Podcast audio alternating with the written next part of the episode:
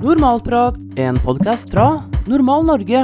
Normalprat er en ny serie samtaler mellom styreleder André Nilsen og personer som engasjerer seg i norsk ruspolitikk. Da vil jeg bare ønske velkommen til eh, årets første eh, Normalprat.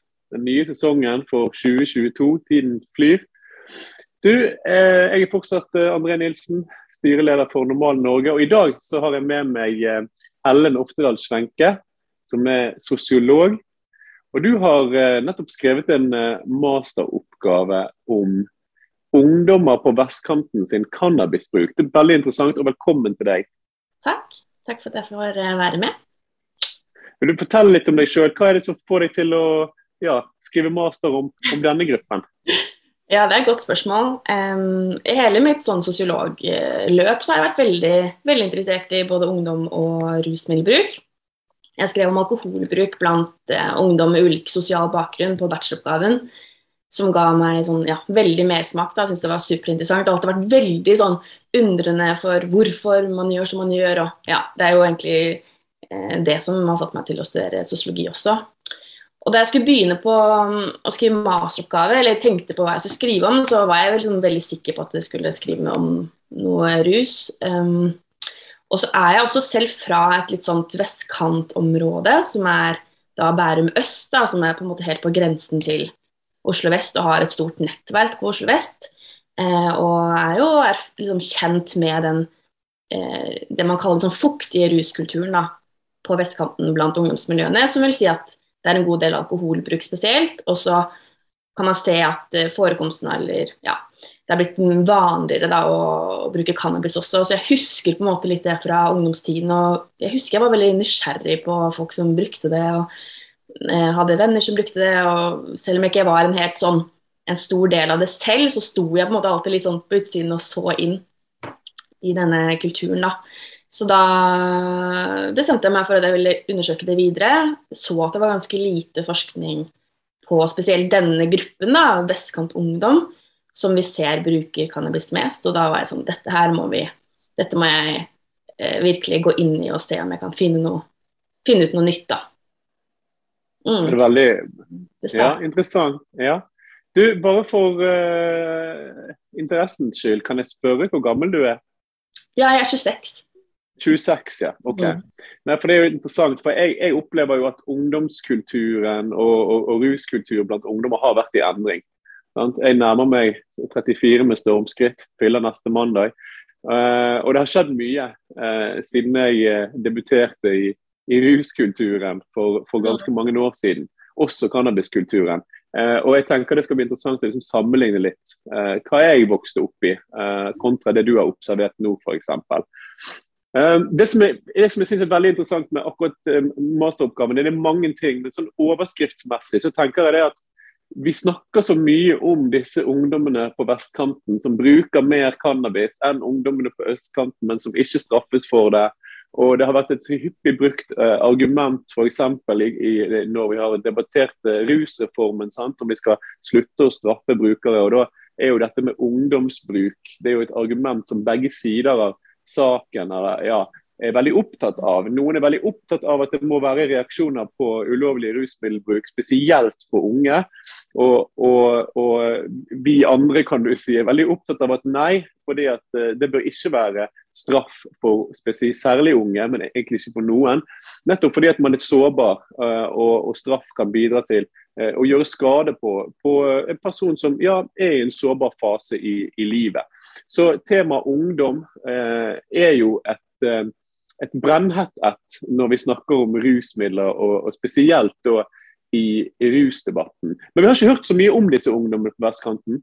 Vi hører bare at de bruker mer cannabis og, og, og alkohol enn østkantungdommen, og at de slipper unna. Og det er liksom Der, der stopper den samtalen. Og så, og så er vi også opptatt av å snakke om de sårbare, marginaliserte sant? Eh, på østkanten. Gjerne minoriteter som oftere blir Eh, gjort det gjenstand for, for stopp og arrestasjoner av politi. og Det er jo viktig å snakke om det. Men jeg tenker det, vi, vi må på en måte belyse spekteret her. Sant? Fordi at Det er interessant å kjenne liksom, til begge de kantene som vi hører om så ofte fra Oslo. Mm. Hvordan kommer du i kontakt med ungdommer som bruker cannabis i dag? da? ja, det er mange som spør om det. Eh, det er jo en, en, litt sånn kjent metode innenfor kvalitativ forskning da, som, som heter snøballmetoden. Og det, det, jeg gjorde her, var å eh, egentlig bruke eget nettverk for å få noen sånne startpunkter. Eh, så det vil si at jeg, siden jeg er en del år eldre enn de ungdommene jeg har studert De ungdommene er forresten mellom 16 eh, og 18, men flesteparten er, er 18 da. Um, så for å få kontakt med dem, så tok jeg kontakt med bekjente som, yngre, som jeg visste hadde yngre søsken eller kusiner eller fettere.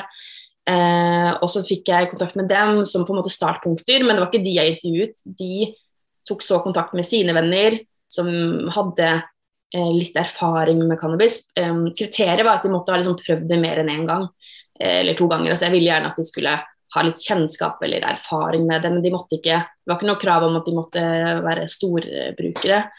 Eh, så da tok de kontakt med sine venner som de visste brukte det, og hvis de var interessert, så tok de da kontakt, eller sa de til vår felles bekjente da, at de, de var interessert, og så fikk jeg da telefonnummeret deres og ringte dem opp og sa litt mer om prosjektet.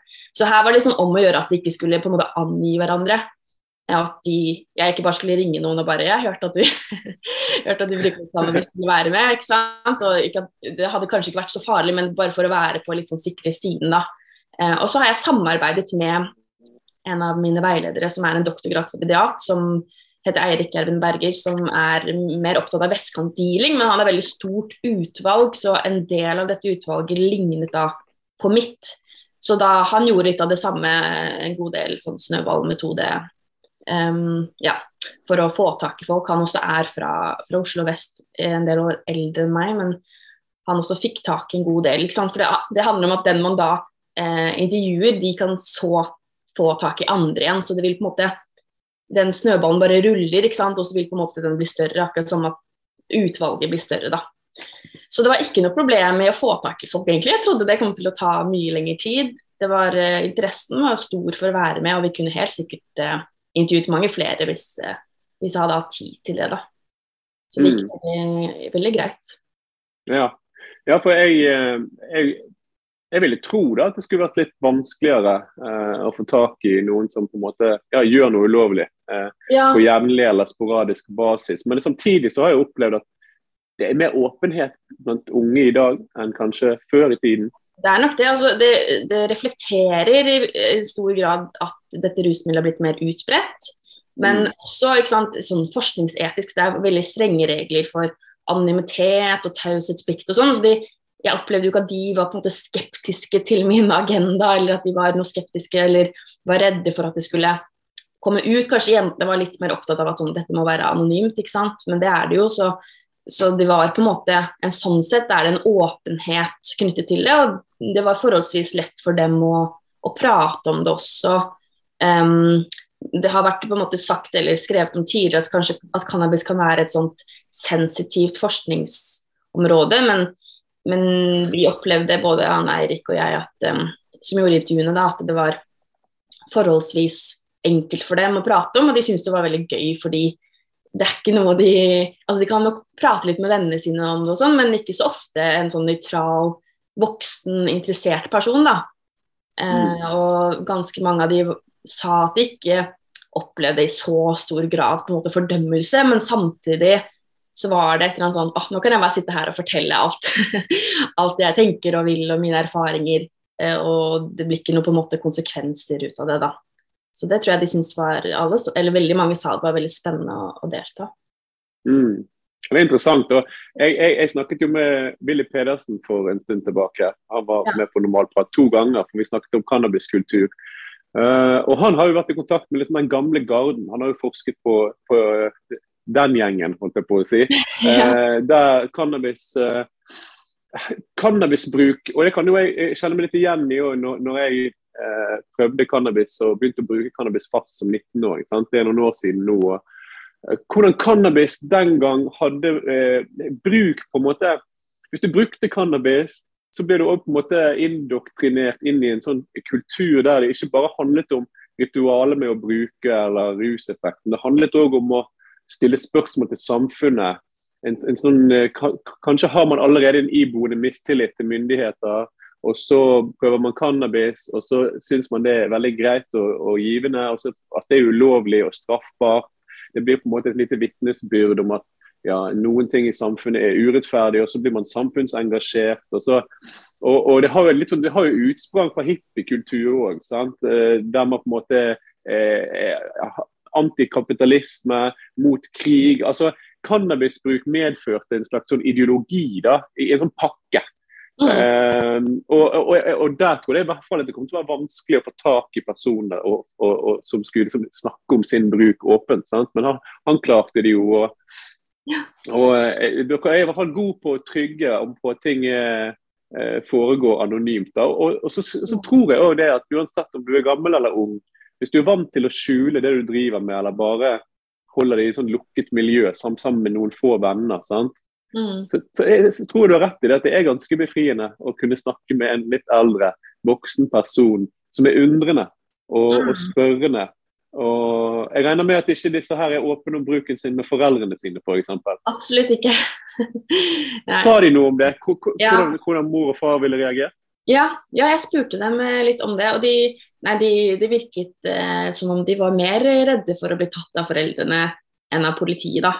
Ja. Eh, så de var Og det handler også om at eh, politiet ikke er så tilstedeværende, eller de har ikke så mye sånn forhold til politiet annet enn at de kan komme og avslutte noen fester av og til. ikke sant? Så de, de, de vil vel Det er på en måte en mer sånn reell konsekvens kanskje da, av å bli tatt av foreldrene.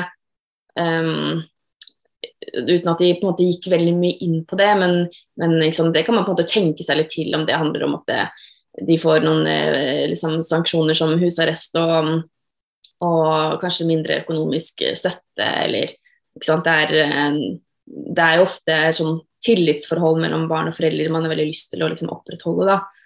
Eh, så ja, de var ganske bekymra for det og veldig sånn opptatt av at Men de hadde liksom selvtillit på det. da, at det er sånn, ja, Vi hadde ikke gjort det hvis vi hadde, hvis det hadde vært risiko for å bli tatt. liksom, At de hadde på en måte en sånn følelse at dette her det, Til og med det mestrer de på en måte, og ikke bli fersket. da, Og at de, de gjør det på skjulte steder, og, og, foreldrene kan være bortreist, da er det greit. og ja.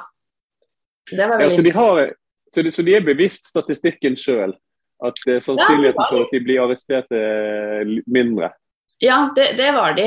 Eh, absolutt. og og det handler generelt om ja, at de ikke ser politiet så ofte, at de ikke er i de områdene eh, politiet er, og at eh, de har hager eller lysthus i hagene. De kan røyke, de kan gå en liten skog ved siden av huset, og så kan de gå ned i en kjeller som er atskilt fra foreldrene. Eller det er lettere kanskje å skjule røykingen. da, De har plassen til det, og de bor steder hvor det, hvor eh, det er ja, mindre sannsynlighet for å bli tatt, eh, rett og slett. Mm. Ja, og, og, og, det er jo noe som jeg har snakket om mange ganger tidligere. Sant? Hvordan, eh, ja, Den strukturen som er på østkanten kontra vestkanten, iallfall i de mest eh, bemidlede eh, strøkene, sant? så har man større areal å gjemme seg bort på. Ja. Mens enkelte plasser på østkanten så bor man gjerne veldig mange i, i, på et mindre areal. og Skal man ha noe fritid, så må man ut i gaten sant? Mm. og henge med vennene der. Enten på ja. basketbanen eller uh, gatelangs, uh, liksom. Og, ja. uh, og, så er det politi gjerne som patruljerer oftere på Stovner enn på Frogner, for, mm. for, å si det sånn. da, så Sannsynligheten for, for, å bli tatt, ja, den blir jo mindre, da. Den blir jo det. Og da, og da senker man kanskje skuldrene deretter. Mm. det er jo godt mulig.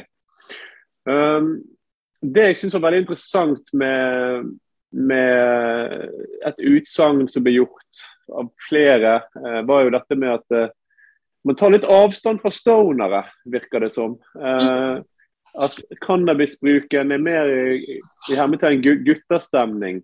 Eh, og vi er jo Ja, ja guttakos, ja. ja, ja OK, hva, hva, ligger i det begrepet? Nei, Det høres jo veldig intimt ut. Ja, det, det oppsto kanskje under intervjusituasjonen. Jeg er ikke helt sikker på om dette her er noe de pleier å si, da. Men, eh, men det var eh, Jeg snakket eh, Jeg prøvde å undersøke liksom, kjønnsdimensjonen her. I hvilken grad bruken skilte seg fra guttene og jentene. Om det var noen på en måte liksom dominerende sånne maskuline og feminine um, normer som liksom regulerte bruken deres. da. Og da, da spurte jeg um, en av deltakerne om om han opplevde at, at gutta liksom kom hverandre litt nærere ved å røyke sammen. Fordi jeg, jeg så en tendens til at de ofte på en måte kunne gjøre det bare dem en fredagskveld hvis de ikke orket å, å dra ut f.eks. på fest. Eh, sånn, ja, om, de klarte, om, det var en slags sånn bonding der, da, så var det sånn Ja, det, det vil jeg si at man prater jo mye greier, liksom. Og ja, man, man, kommer nærmere hverandre.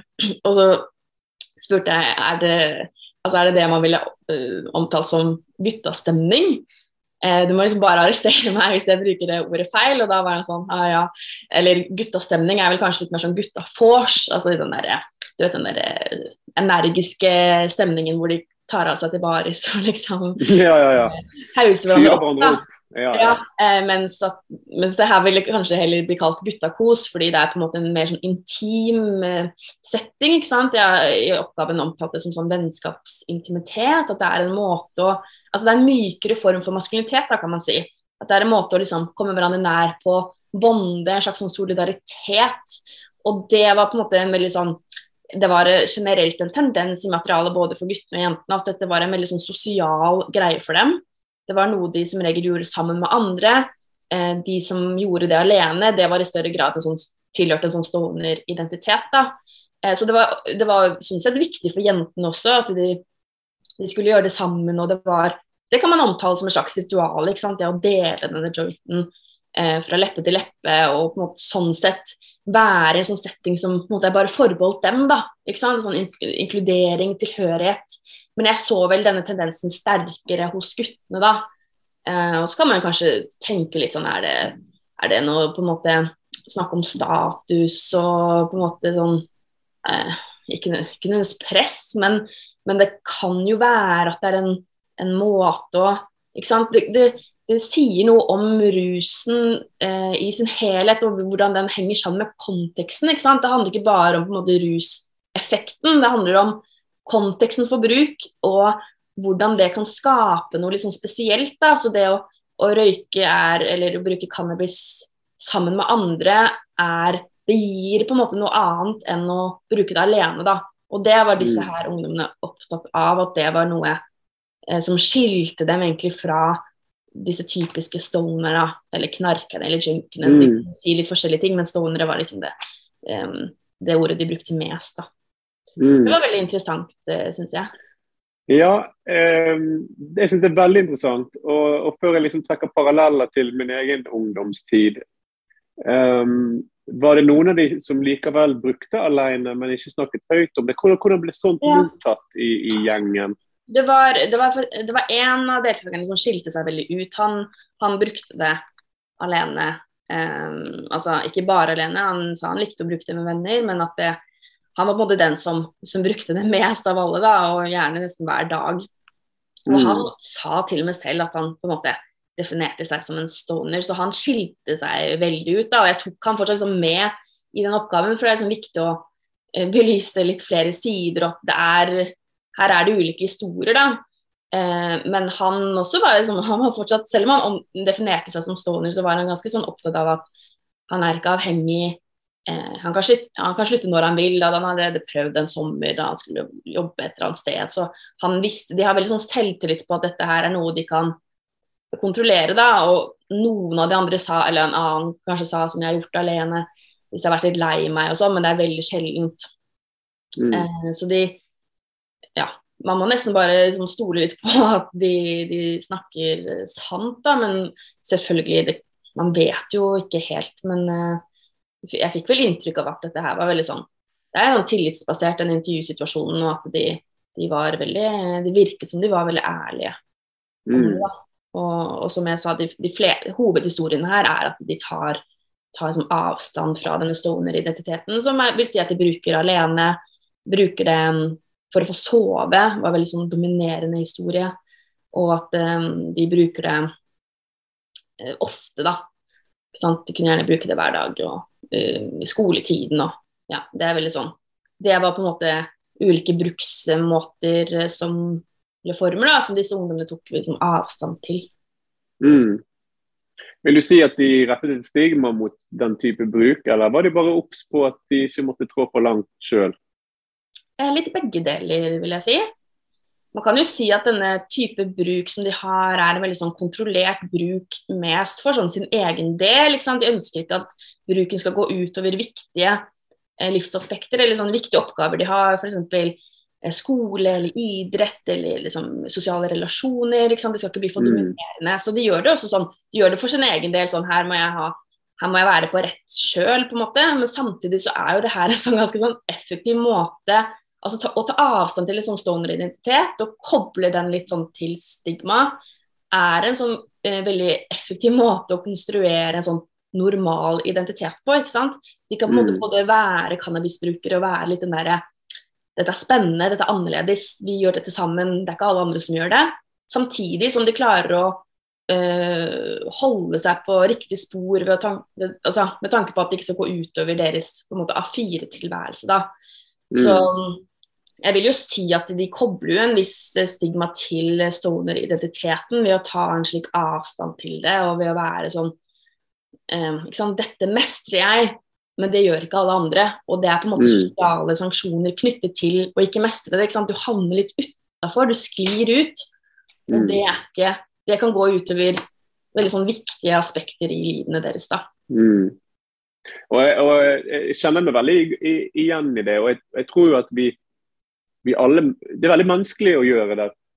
Å tenke sånn og sette mm. sånne grenser på, eller i hvert fall definere seg sjøl innenfor en gitt ramme som, som ivaretar eh, både selvfølelse, identitet, eh, med verdighet.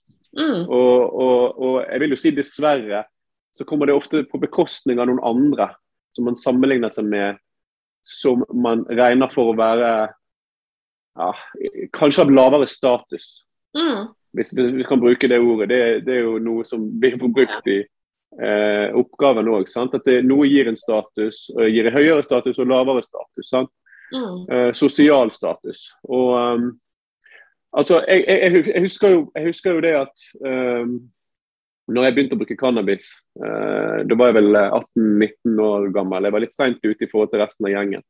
Uh, de begynte på ungdomsskolen, mange av mine nærmeste. Jeg skal ikke oute noen her nå. Men, uh, men, jeg husker at jeg var veldig imot, jeg var veldig imot både cannabisbruk og det at vennene mine drev med det. Uh, for det første fordi jeg trodde det at, vi, at, det var forbudt for en grunn, og at det var så farlig som det var blitt fortalt. Jeg er jo vokst opp i en tid hvor skremselspropaganda rundt cannabisbruk ble, ble, hyppig kommunisert til, til, unge. Og Det blir jo fortsatt det til en viss grad, men det har blitt bedre de siste årene. Uh, men, men, men jeg òg liker å fundere på hvorfor gjør man ting, hvorfor har jeg tatt de valgene jeg gjør. Hvorfor, hvordan blir jeg påvirket av grupper, av samfunnet, hvordan kan jeg påvirke grupper og samfunnet. Og jeg, jeg, må jo bare innrømme det at det var kanskje ikke cannabisbruken som var liksom den store djevel, det var det at de gjorde noe jeg ikke helt torde å gjøre. Eh, og jeg følte meg derfor eh, ikke inkludert, eller ikke en del av. Jeg ble aldri ekskludert, men, men, jeg merket at jeg var litt utenfor. Jeg, jeg var ikke på samme, på samme bølgelengde som, som, de andre som hadde røykt hasj og eh, satt og spiste smågodt og lo mye høyere og mer intenst av filmen vi så på, enn det jeg gjorde. Og jeg husker det vokste, Da vokste det i meg litt sånn uh, uggen følelse, sikkert. sant? Men, men jeg, jeg, var gjerne ikke moden nok til å reflektere rundt det da. Og så husker jeg hvordan det endret seg når jeg begynte å bruke da ble jeg på en måte litt sånn uh, den som brukte mest. Skulle ta mm. litt ansvar, ta, ta litt lederrollen i stoner-miljøet. Mm. Uh, og, og, det ga meg en form for mestring. Og så husker jeg at når jeg begynte å bruke cannabis i min tid, og dette skjer sikkert fortsatt, men dette ritualet sant, med at man deler, man sender til venstre etter to trekk, maks tre hvis man er en, en mindre gruppe. Um, det som skjer der, ikke bare bruken, det er ikke bare um, det at vi, vi gjør denne greien sammen, men, men, plutselig så har vi diskusjoner og samtaler. Og, og, og for å på en måte legitimere vår livsstil. da, for Hos oss handlet det ikke om jo, det var sporadisk i begynnelsen, det var for gøy, det var gjerne på nachspiel i starten. Mm. Men så begynte vi alle å, å, å liksom, eh, jakte den feelingen i hverdagen. Mm. Og mer eller mindre alle vennene mine, bortsett fra et par var i en sånn livssituasjon der vi enten var ferdig med videregående eller på slutten av videregående. Uh, og var litt skolelei. Skulle ta friår. Ingen av oss visste hva vi ville bli. Så vi var liksom i et steg hvor vi var litt stuck, følte vi. da. Vi var litt sånn usikre på hva er neste steg i livet. Hva, hva, hva, skal jeg gjøre? Og så kom cannabisen på banen, i hvert fall for min del. Så det ble jo en, en fulltidsjobb å bedrive dette. Ja, det tar jo litt tid og Ja. Men det er interessant at du sier, fordi liksom, dette her, de, disse går jo fortsatt på videregående, så man vet Jeg vet jo ikke hvordan dette kommer til å liksom utartes senere. og Eh, sånn statistikkmessig så kan man si at de, de fleste faller av på en måte cannabisløpet, eller at det er på en måte ja. en litt sånn ungdomsgreie, da. Men så er det noen som vil fortsette, og, og, kanskje noen vil begynne å selge også, så blir det på en måte en litt sånn annen Da går det på en måte litt sånn inn i en annen fase, da. Uh, og det kan godt skje, men altså, ganske mange av de Jeg spurte jo om det også, at uh, liksom, ser du for deg hvor lenge du kommer til å bruke det her, og har du noe sånn perspektiv på det? Og det var ikke sånn at de hadde tenkt noe veldig over det, mange av dem, men, men de var veldig sånn De hadde veldig store framtidsambisjoner ikke sant, for hva de mm. skulle studere og gjøre, spesielt jentene da.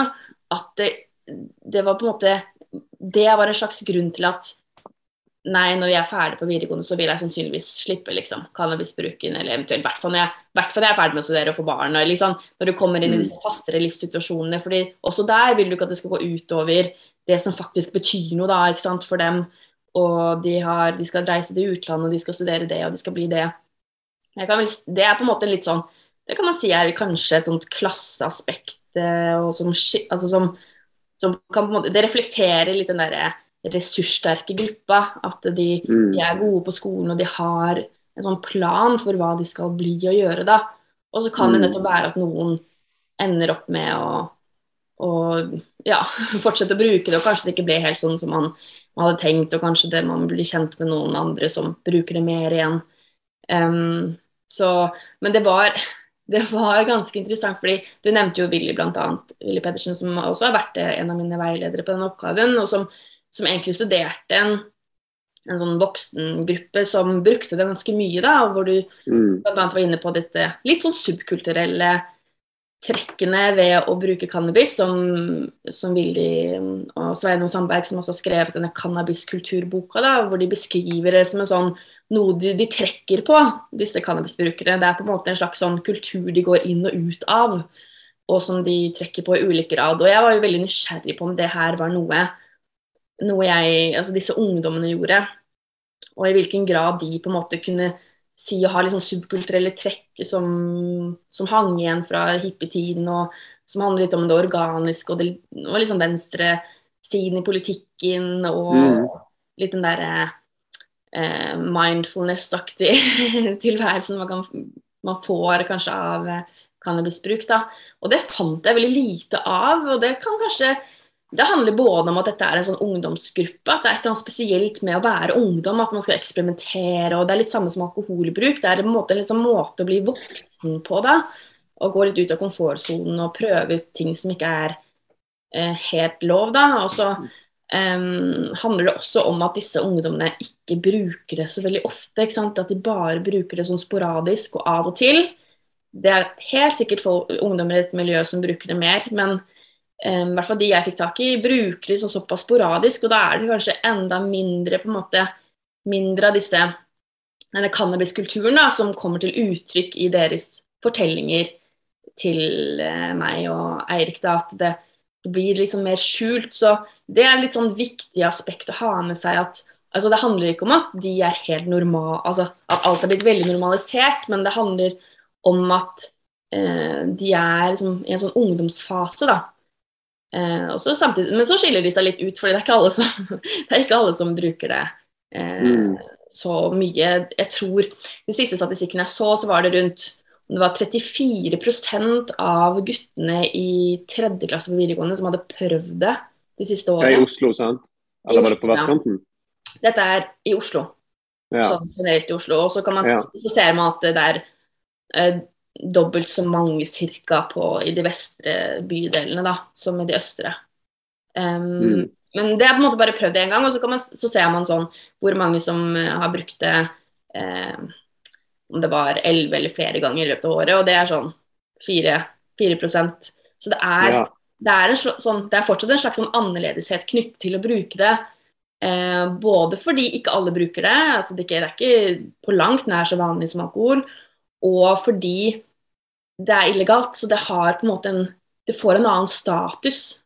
Du gjør Mm. Du er mer eh, du, du, du tar mer sjanser da, ved å gjøre det. Og du må også få tak i det på ja, det illegale markedet.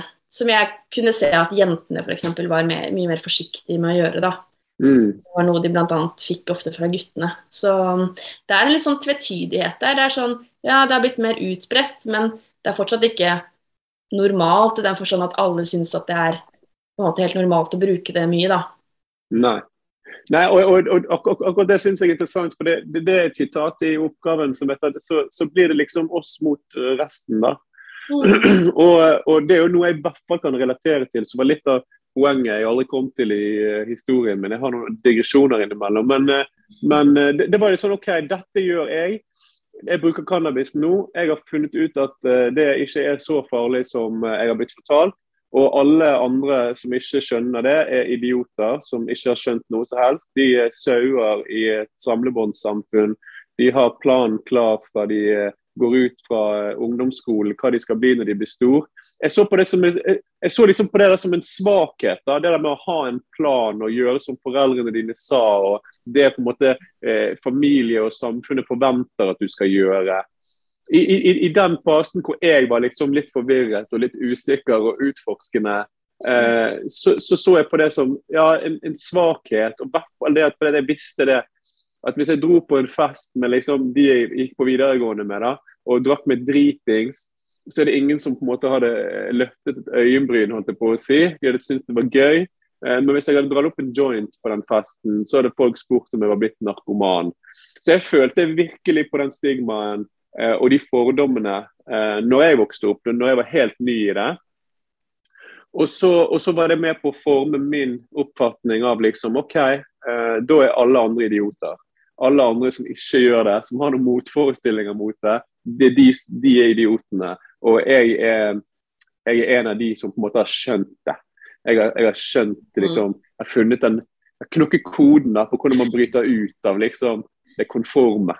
Ja, sånn? Men, jeg husker, men jeg husker når jeg ble eldre, da, det var ikke lenge til, så gikk jeg inn i militæret. Førstegangstjeneste. Jeg vet ikke om jeg burde si dette, da, men jeg havnet i Kystvakten. og Vi var en av de få eh, eh, rekruttene i Forsvaret som får perm jevnlig, da, siden vi seiler x antall uker på sjøen. og Så drar vi hjem noen uker. Og Jeg husker jeg røykte cannabis hver eneste gang jeg var hjemme. Og så gjorde jeg en skikkelig god jobb på, eh, på, på båten når jeg eh, kom om bord igjen. Sant? Og jeg fikk en veldig god tjenesteuttalelse som videre ledet til jobb i Kystvakten. Men det husker jeg sånn, det, var, det ga så mestring å mestre liksom det illegale og det eh, mest konforme du kan være ansatt i Forsvaret, sant? med hierarki og, og ordrer. Eh, så så jeg, jeg kan jo relatere til den feelingen det gir av status hvis du lefler litt med litt det forbudte, eh, Mm. forbudte frukten, samtidig som du har en plan og, og, og, og lever et bærekraftig liv. og Ikke for å hoppe for, for langt utenfor temaet her, men når jeg begynte å få litt sånn skikkelig rusproblemer en del år seinere, ble avhengig av beroligende benzodiazepiner, da husker jeg det var så viktig for meg at ja, nå tar jeg disse pillene hver dag, men ikke, ikke på morgenen. Og jeg skal jobbe, jeg skal gå på skolen og jeg skal trene før jeg har lov til å ruse meg. Ja. Og Det var, liksom en, det, det, det var et, en standard jeg holdt for meg sjøl eh, i, i noen år, da, før det til slutt Mm. eh, gikk skeis fordi det ikke er bærekraftig å gå på benzodiazepiner eh, over flere år. Rett og slett, i hvert fall ikke når man administrerer det sjøl. Si. Så, men, men det, er alltid det var liksom viktig da, å, å mestre begge verdener. Mm. Sånn? Og jeg syns det er spesielt interessant det du sier om, om, uh, om uh, jentene, damene, som, som på en måte har en sånn Hvis de går og kjøper sjøl, da utsetter de seg sjøl for kanskje litt lavere blir et uglesett, lavere sosial status. Sånn? Mm. Men, men det å få via noen innimellom Mm. og Det er ganske interessant, for det var en greie eh, jeg gjorde i starten òg for å holde meg litt i sjakk. Som, ah, når jeg begynte, det var jo sånn, Jeg skal ikke kjøpe cannabis sjøl. Mm. Jeg røyker med vennene mine. Jeg henger med vennene mine som røyker hver dag. og, så, og så lenge jeg ikke kjøper sjøl, eh, så har ikke jeg et problem. Mm. Det er litt sånn med men og sånn, at man kan liksom bomme av andre. Ja, ja, ja, ja, ja. Det er helt sant. Men det er interessant å si, fordi jeg tror nok det er ganske viktig for veldig mange grupper, ikke bare disse, disse ungdommene her. Mm. Føle at man har et kontrollert bruk, og at man mestrer det. Eh, og så, Nå har jo ikke jeg undersøkt på en måte disse, om disse ungdommene har noen genetiske sårbarheter eller sosiale vansker eller mentale problemer. Det var i hvert fall ikke noe de fortalte at de hadde. Eh, så, og det er på en måte de tingene som ofte gjør at det kan gå litt galt. da. Ja. Men det jo en, en viktig aspekt er jo nettopp at og Det kan nesten høres litt urettferdig ut at det er disse på en måte ressurssterke liksom har visse ressurser som klarer å kontrollere mengden sin, og sånn sett ikke får så særlig mye problemer med det. Ikke Mm. sant? Så, for det er liksom sånn, ja ok, de både, de både drikker mye alkohol, og det går bra, de røyker, og det går bra. Man kan føle at de liksom, ok, så mestrer de enda en ting, på en måte. Mm. Men, eh, men som du sier, det er jo et eller annet med det her å, å både kunne liksom ha det veldig gøy med et rusmiddel og føle at man opplever det som det rusmiddelet har å by på. på en måte. Det, altså, Ordet gøy gikk igjen i liksom alle intervjuer. Det var noe som til, tilførte noe ekstra. De kunne liksom få dette frirommet hvor de kunne le masse, og filmene ble bra, og de kunne ha dypere samtaler, og de kunne slappe av sammen. Eh, men, men det å på en måte De måtte fortsatt på en måte konstruere en slik en trygg bruk fordi dette var liksom på alvor, da. Eller de skulle liksom De tok det veldig sånn sett på alvor. Litt sånn indirekte, at de fortalte Nei, dette her Dette skal bare være en sånn litt gøy ting. Men det er fortsatt spennende fordi det er eh, noe som ikke er helt lov, da. Um, men man kan jo si at de, de på en måte Ja, de utfordrer jo um, Eller poenget her er litt at det er på en måte det er disse grensene mellom akseptable og uakseptable måter å bruke det på.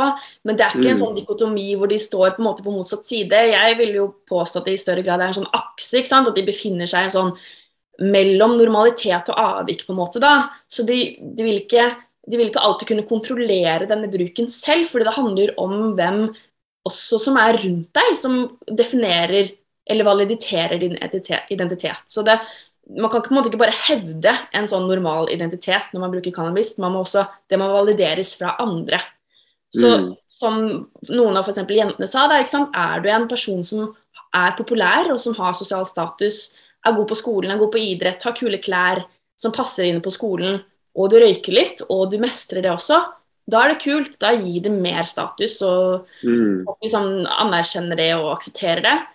Men er det visse ting her du liksom ikke mestrer, og du ikke er populær, eh, så vil det i større, vil du i større grad gli ut da, ikke sant? i denne avvikssiden. Så det handler også om hvem du har rundt deg som er med på å em, enten definere deg som en, en kul eh, person, eller som på en måte kan stemple deg. Eh, så det har ganske mye med sosiale relasjoner å gjøre. Ikke sant? Sånn em, Hun ene for eksempel var opptatt av at eh, Nei, hvis det var en, en god venninne av meg, som jeg vet er litt sånn kul, på en måte, som røyker mye, da er det ikke noe problem, for det er bare litt morsomt, og jeg vet at hun er en seriøs person uansett. Men er det en person jeg ikke kjenner så godt, kanskje som går på en annen skole og som har litt sånn shabby klær, så er det ikke greit. Da er det ikke innafor. Så, det, så det, man kan si at det er en sånn tvetydighet ved denne kontrollen, at de kan faktisk ikke kontrollere eh, alt selv. Det handler om hvem om, omgivelsenes, eh, omgivelsenes reaksjoner på bruken også. Og det er på en måte der Ja. denne stigma- og stemplingsposisjonen kommer inn, fordi em, det er på en måte en sånn veldig effektiv måte da, å være sånn Man vil hele tiden eh, finne likhetsrelasjoner med andre for å være sånn Dette er oss, dette er min gruppe, vi er normale. Eh, men da må det også, kanskje viktigere, eh, ta avstand til andre. Eller på en måte vise hvem du er ulik, da. Så det er Mm. sånn, litt sånn sosial identitet og disse grensene som er på en måte et viktig aspekt ved mye rusmiddelbruk. Og kanskje spesielt de, som, de gruppene som befinner seg liksom nær en stigmatisert posisjon. da. Så det er ekstra Mm. viktig for dem å fortelle disse historiene om kontrollert bruk og hvor normale de er. Mm. Ja, og så kan jeg forstå det uh, på, på mange måter. Selv om altså, mitt, mitt, et sterkt engasjement jeg har, det er det sant? Jeg er styreleder for Normal Norge, som er en interesseorganisasjon for cannabisbrukere. Sånn, det er en brukerorganisasjon for denne gruppen. Og, og, og, dette med å bekjempe stigma uh, er liksom kanskje personlig en av mine hjertesaker. At, at cannabis, uh, Det å snakke om cannabisbruk og brukere, uh, at, vi, at, vi, endrer måten vi tenker om cannabisbruk og brukere på generelt i samfunnet. Og, og, jeg skrev en bacheloroppgave på BI om hvordan man kan bruke sosial markedsføring for å på en måte bekjempe denne stigmaen. da. Så, så er jeg også veldig opptatt av at fordi at det, det er en tendens uh, blant cannabisbrukere, i hvert fall enkelte, at eh, man har eh, man, man, er veldig opptatt av å fjerne stigma fra seg og sine. Og så bevisst og ubevisst så forsterker man stigma mot andre brukergrupper som bruker andre rusmidler. Og, og skal liksom deklassifisere cannabis fra liksom de ulo andre ulovlige rusmidlene. Sånn? Det bør hører hjemme i en egen kategori. Det er ikke narkotika. Uh, det andre er narkotika, dette her er en plante osv. Og, og, og, og det mener jeg er feil. Jeg mener man skal liksom skal du fjerne stigma fra én gruppe, så må du fjerne den fra alle. eller så vil den alltid være der. og Det vil alltid være noen som ser ned på deg, du, så lenge du er med på å se ned på andre. Så Det er, så, det er sånn selvforsterkende. da. Og Hvis du syns det er ubehagelig at andre dømmer deg, så, så bør ikke du dømme andre heller. Um, men jeg kan jo forstå denne gjengen her litt på en måte, fordi at vi har jo den offentlige samtalen, altså de voksne, de voksnes prat om rusmidler, har jo på en måte gått fra å være sånn Der har du narkomane, de er skitne, de er umoralske. Eh, de må vi stue bort, og de må vi arrestere eh, og prøve å straffe til de, til de gir opp den forferdelige bruken sin. Og Så har det endret seg til å bli sånn og Der er en, en, en som er avhengig av rusmidler. Stakkars. Eh, stakkars, mm. eh, syk, traume. Eh, og, og, og, så er det generelt bare bruk av illegale rusmidler har blitt sykeliggjort, på en måte. Mm. Og Nå hørtes jo jeg ganske sånn kjip ut, for jeg mener det er veldig viktig å forstå, sånn som du sier, genetisk sårbarhet. Hva, hva, gjør at du er ekstra disponert eller sårbar for avhengighet og rusproblemer. Sant? Jeg har jo hatt det sjøl. Jeg vet jo hva, hva, man kanskje har og ikke har i den ryggsekken med seg, eh, som gjør at man er sårbar, f.eks. Um, men, eh, men, disse ungdommene hører jo veldig mye snakk om at de har brukere eh, av illegale rusmidler er syke og har traumer og, og kommer til, til, å slite. Men, så, men så, er disse, så, er de ressurssterke. da. Sant? Og, og de, de, mestrer på en måte livet. Og, og, jeg mener det er veldig viktig å nå generalisere, jeg, jeg vet det når jeg sier de. Eh, for jeg vet at det er nyanser der. sant? Men poenget mitt er at uansett om du er på vestkanten eller østkanten, så er det sånn at de aller fleste som prøver cannabis, de går det bra med. Altså 90, Over 90% får, blir ikke avhengig. Får ikke problemer med cannabis. sant? Uh, og, så, og, så, er det kanskje én av fem, én av seks som er sårbar hvis de prøver før de fyller 15, liksom. Det er jo mm. veldig ungt. Sant? Men det er fortsatt bare én av fem og én av seks. Det, det, er langt færre som får problemer med cannabis enn det storsamfunnet har liksom fortalt oss. da. Ja, og, det, og det, de litt sånn fortellingene, ikke akkurat sånn som du sa nå, men det kan anes i mange av disse ungdommenes fortellinger ved at de sier at eh, fordi ja, ca. halvparten hadde erfaring med andre rusmidler som kokain og MDMA. Ja. Og, eh, det var en litt sånn og til og med de som hadde erfaring med det, det vil si at de har kanskje at de har prøvd det noen ganger, da. To-tre ganger eller en gang, eller ja. Men de tok veldig avstand, spesielt til kokain, da, for de mente at det var mye mer avhengighetsskapende. Og ikke sant? det er en måte å rettferdiggjøre cannabisbruket nå, ikke sant? ved å si ja, ja, ja. Det er mye verre. Det er liksom så mye mer sånn kriminelt og liksom ekkelt å gå hjem på toalettet og liksom snifte opp i nesa. og liksom, de, Det er jo en sånn måte å være si at det rusmiddelet jeg bruker er, er, bedre, da. Og at det, det ikke, når det ikke er like farlig, så er det også greit, da.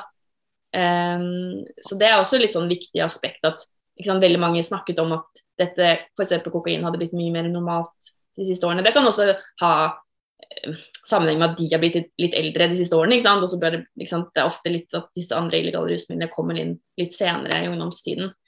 Um, men det, det, var i hvert fall veldig sånn De var mye mer fordømmende når det gjaldt de som Kanskje den lille guttegjengen de visste om som brukte veldig mye kokain, f.eks. Men mm. som du sier, det er jo en måte å på en måte tillegge andre litt sånn negative merkelapper, da, og, og heller mm.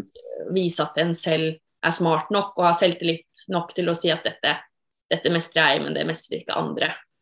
Ja. Jeg, jeg, jeg merker at når, når, når, du, når, du, snakker om uh, de tingene der, så kjenner jeg meg bare så ufattelig igjen. Uh, det er kanskje fordi at jeg er en person og vi alle mennesker, Det er litt av poenget mitt. det er at Vi alle mennesker er jo opptatt av denne historien om oss sjøl. Mm. Uh, men, men, men, så er det ikke stikk under en stol at noen av oss tenker mer på den historien enn andre. Sånn? Det er noen som er mindre sånn, eh, tilbøyelige for å liksom fundere hvorfor de gjør det de gjør.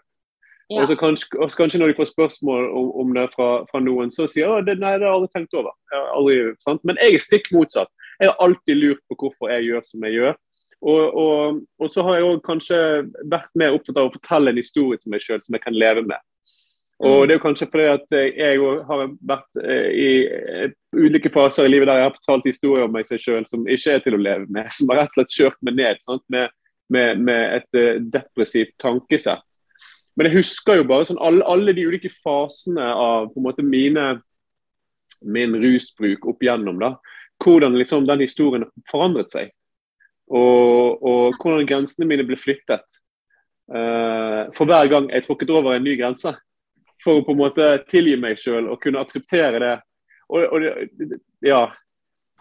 Vi er alle opptatt av å på en måte ha den eh, fortellingen, slik at, slik at, den matcher liksom, ja, hvordan vi ønsker å føle oss og være.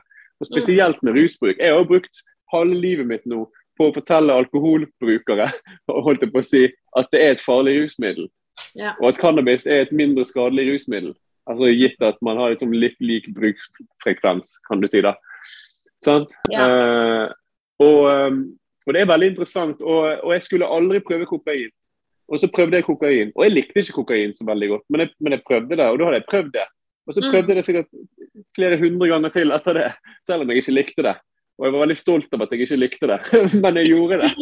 ja, sikkert litt sånn som de, disse her. Ja, ja, jeg likte det ikke, altså. Det var bare sånn enkel eh, Duracell-rus, liksom. Men det er egentlig ikke noe jeg liker. Nei.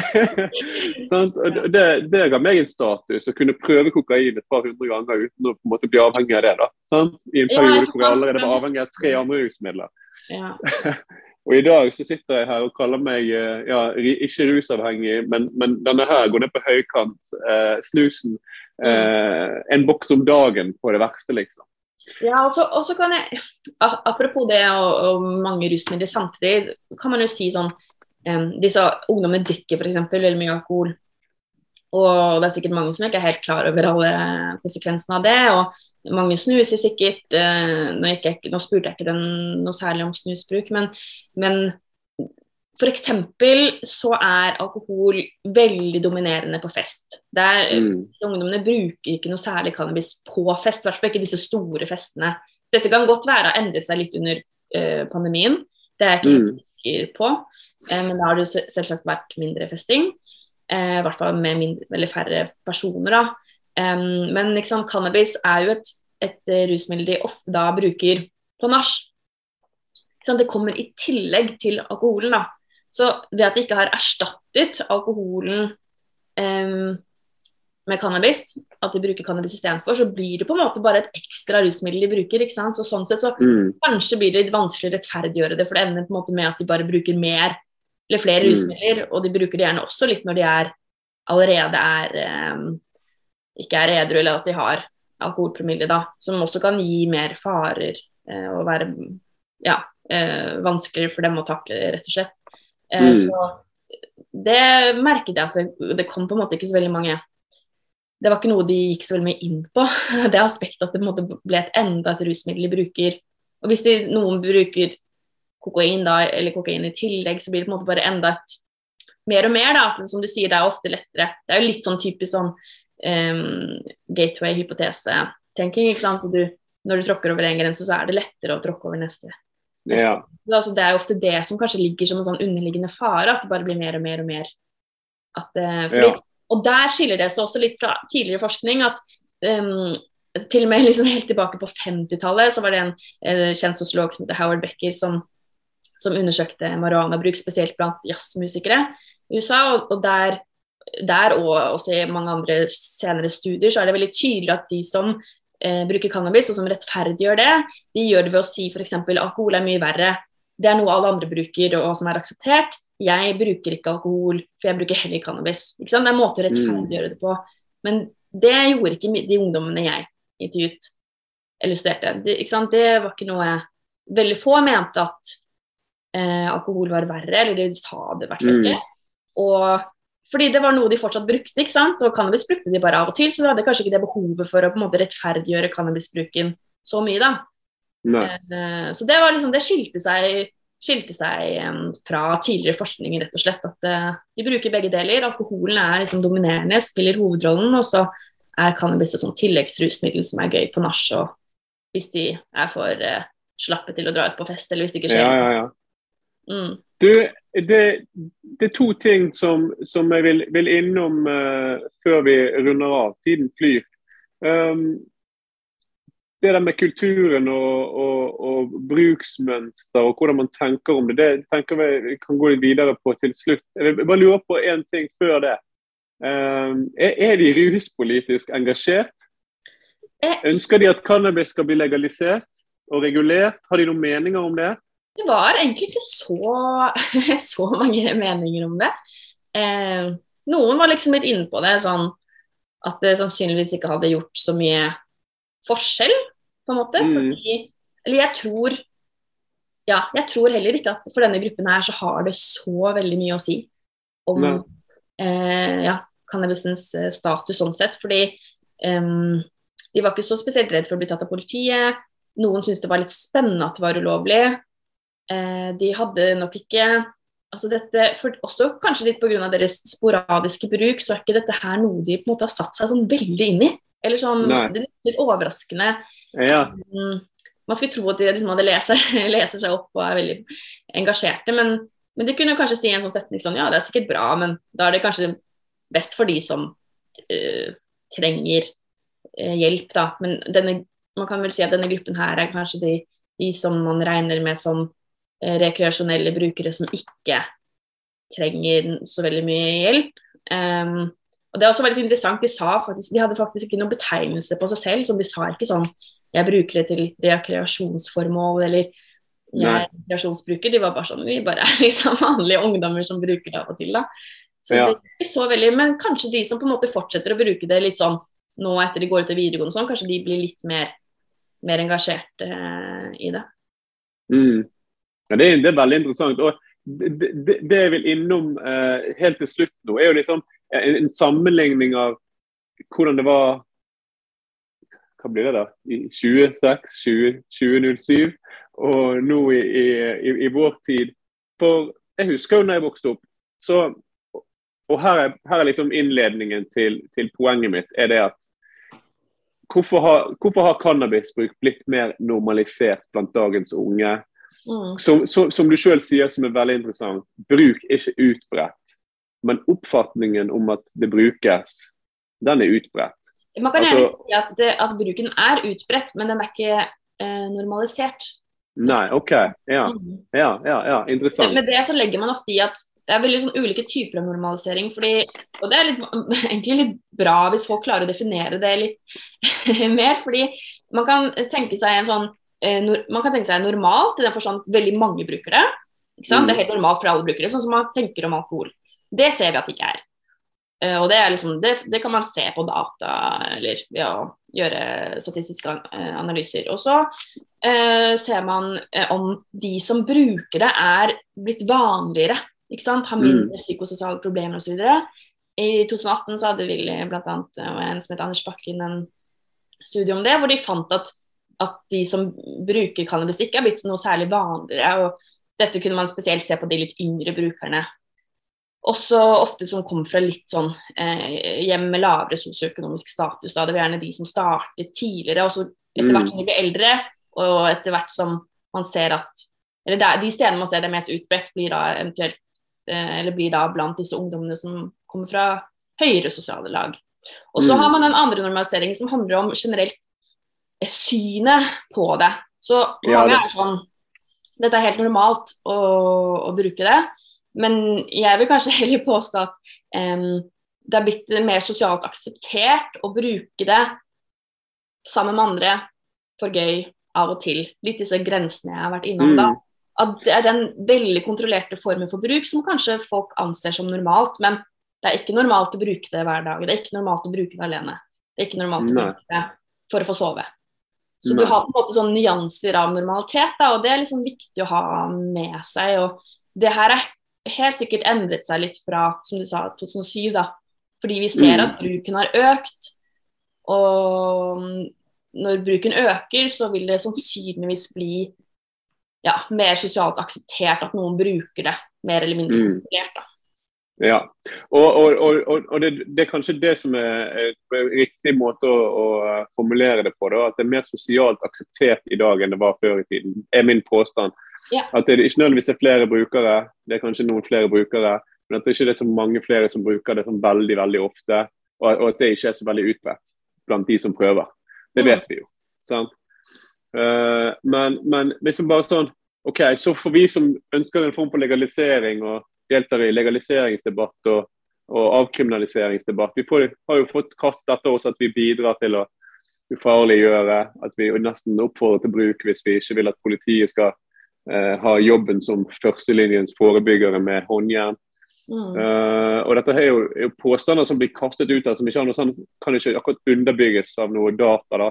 Men, eh, men det blir sagt. sant? Og, og, så, og, og, så, og så tenker jeg sånn Jeg tror man undervurderer eh, det, det fenomenet som går på, går på populærkulturen vår.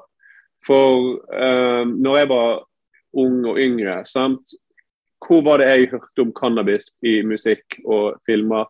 Det var på Dr. Dre's 2001-album der Nate Dogg sier hei, hei, smoke weed every day på slutten av en av låtene. Det var sånn, det, det, det var sånn, det kunne alle synge med på, selv om de allerede hadde sett en joint.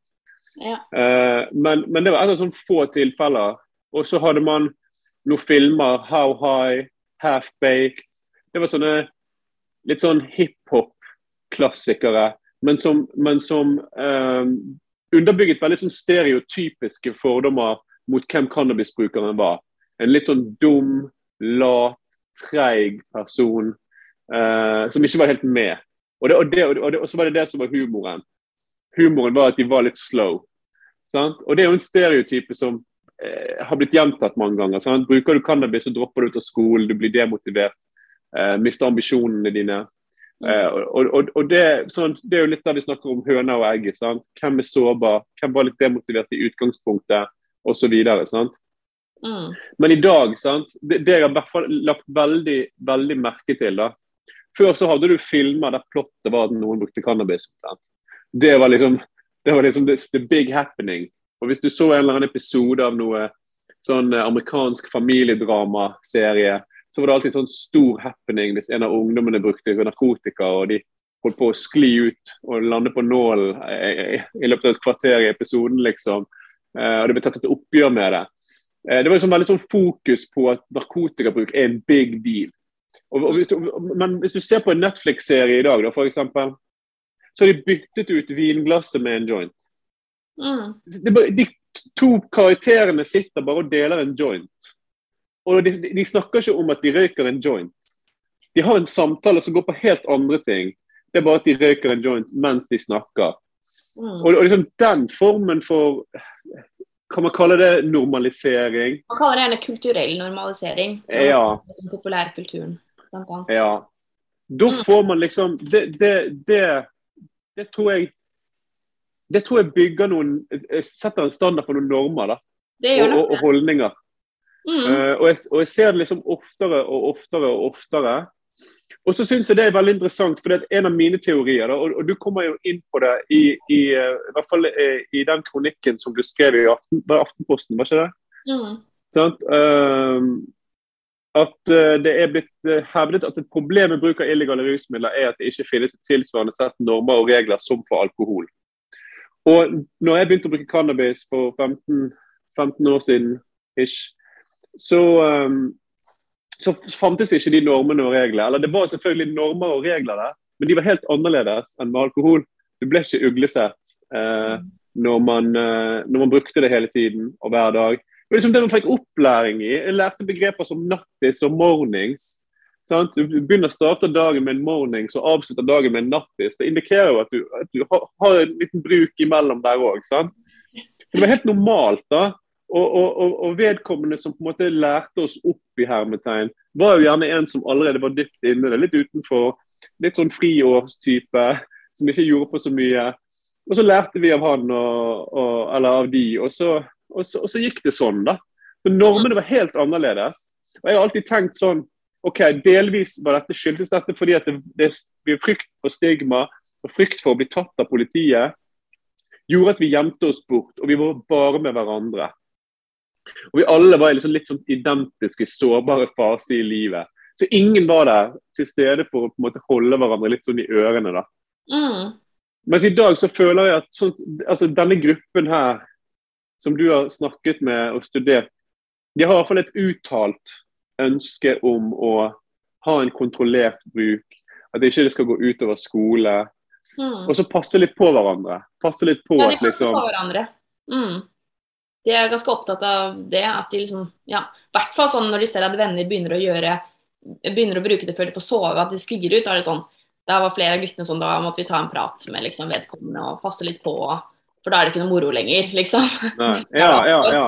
Ikke sant? Så Forskjellen på den der lek og alvor, og, og også det med, med, at når man ser at det begynner å eh, F.eks. venner begynner å bruke andre typer rusmidler, så har de liksom tatt en prat. og de er ganske opptatt av det. Men som du sier, ganske, den kulturelle normaliseringen har nok en, en, påvirkning. og Det var noen som snakket om det at de ser det på film og TV, og de, spesielt i de stedene hvor det er legalisert liksom, i USA. og sånn at de, eh, sant, Det blir norm, mer normalt å se på det, og da kjenner man kanskje ikke like mye på at man gjør noe ulovlig. Så veldig få av de jeg snakket med, følte veldig på at dette var noe ulovlig de gjorde, da. Eh, fordi sant, man ser det, ser det, overalt, uten at de, de mente at liksom, Snoop Dogg var uh, deres uh, idol. eller sånn. Det var ikke sånn de prøvde liksom, å etterligne disse folka, men ja, man ser det veldig ofte da. Og så kan man si sånn Nå er jo disse ungdommene har ganske kontrollert eh, bruk, og det er garantert andre grupper som også har det. Men eh, det jeg er litt opptatt av, er at OK, dette her eh, Det jeg har funnet ut, har kanskje ikke sånn Kan ikke gi noen veldig sånn tydelig svar på burde man avkriminalisere eller legalisere, eller det er på en måte ikke det som har vært hensikten her. Det har i større grad vært å gi en større forståelse av denne gruppen. Eh, men det jeg liksom konkluderer litt med, er jo at de konstruerer denne trygge formen for bruk som er veldig viktig å liksom anerkjenne når man mm. skal utvikle god ruspolitikk. Man må høre deres egne fortellinger om bruken for at man skal kunne klare å forstå den. Og mm. hvis man ikke vet hvordan disse ungdommene bruker dette rusmiddelet, hva som gjør det attraktivt, hvordan de kontrollerer det, hva som er farene eller risikoen for dem, eller hvordan de opplever det og forstår det, så vet man ikke hvilken informasjon og hvilke tjenester man skal kunne tilby dem for å redusere eh, skader knyttet til det. Så mm. det er litt sånn både bakgrunn og konklusjon egentlig for å finne ut mer av hvordan ungdommer bruker um, illegale rusmidler, og nå spesielt liksom cannabis, da, som er mer utbredt. Og det er jo veldig interessant å finne ut om dette her, det jeg har funnet ut, skiller seg også fra eh, f.eks.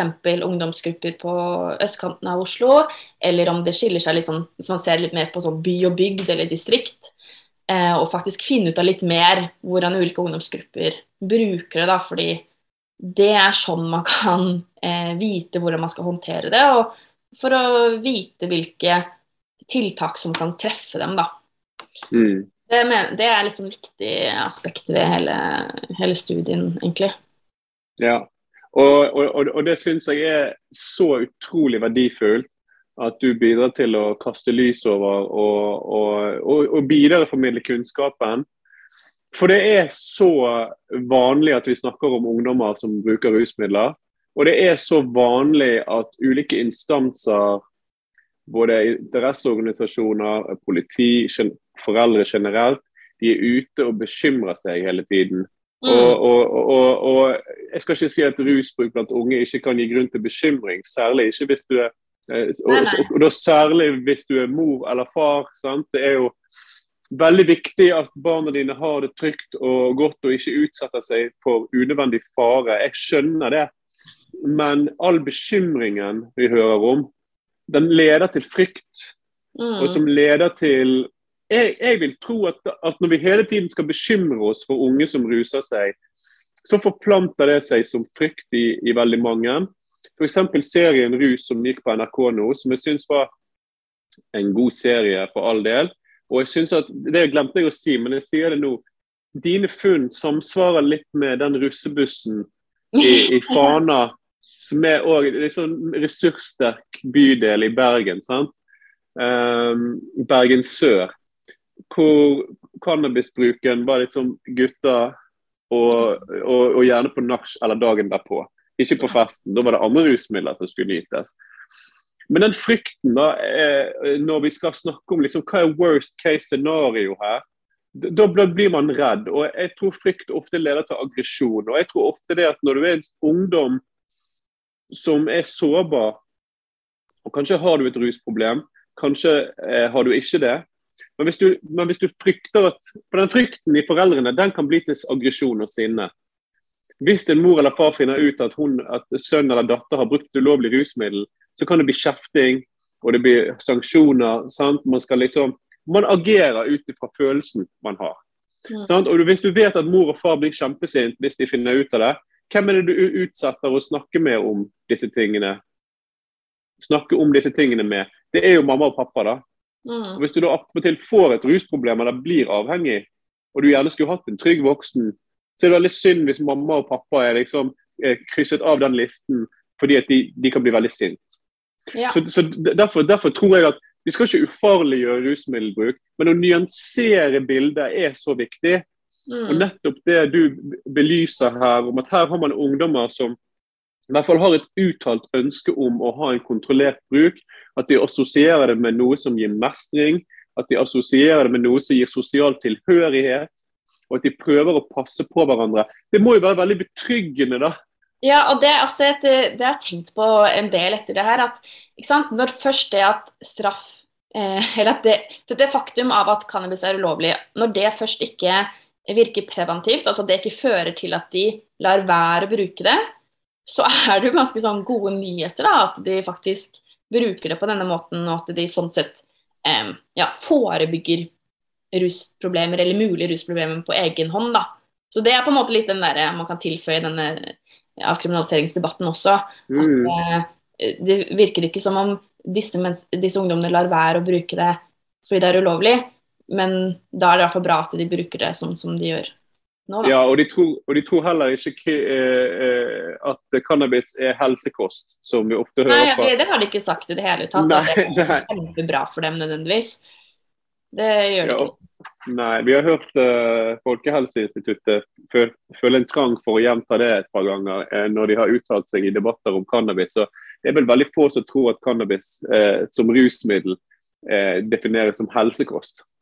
det kan være brukes medisinsk for all del. Det kan gi en stor nytteverdi for brukere. både voksenbruk. Vi prøver å gå bort fra rekreasjonelt.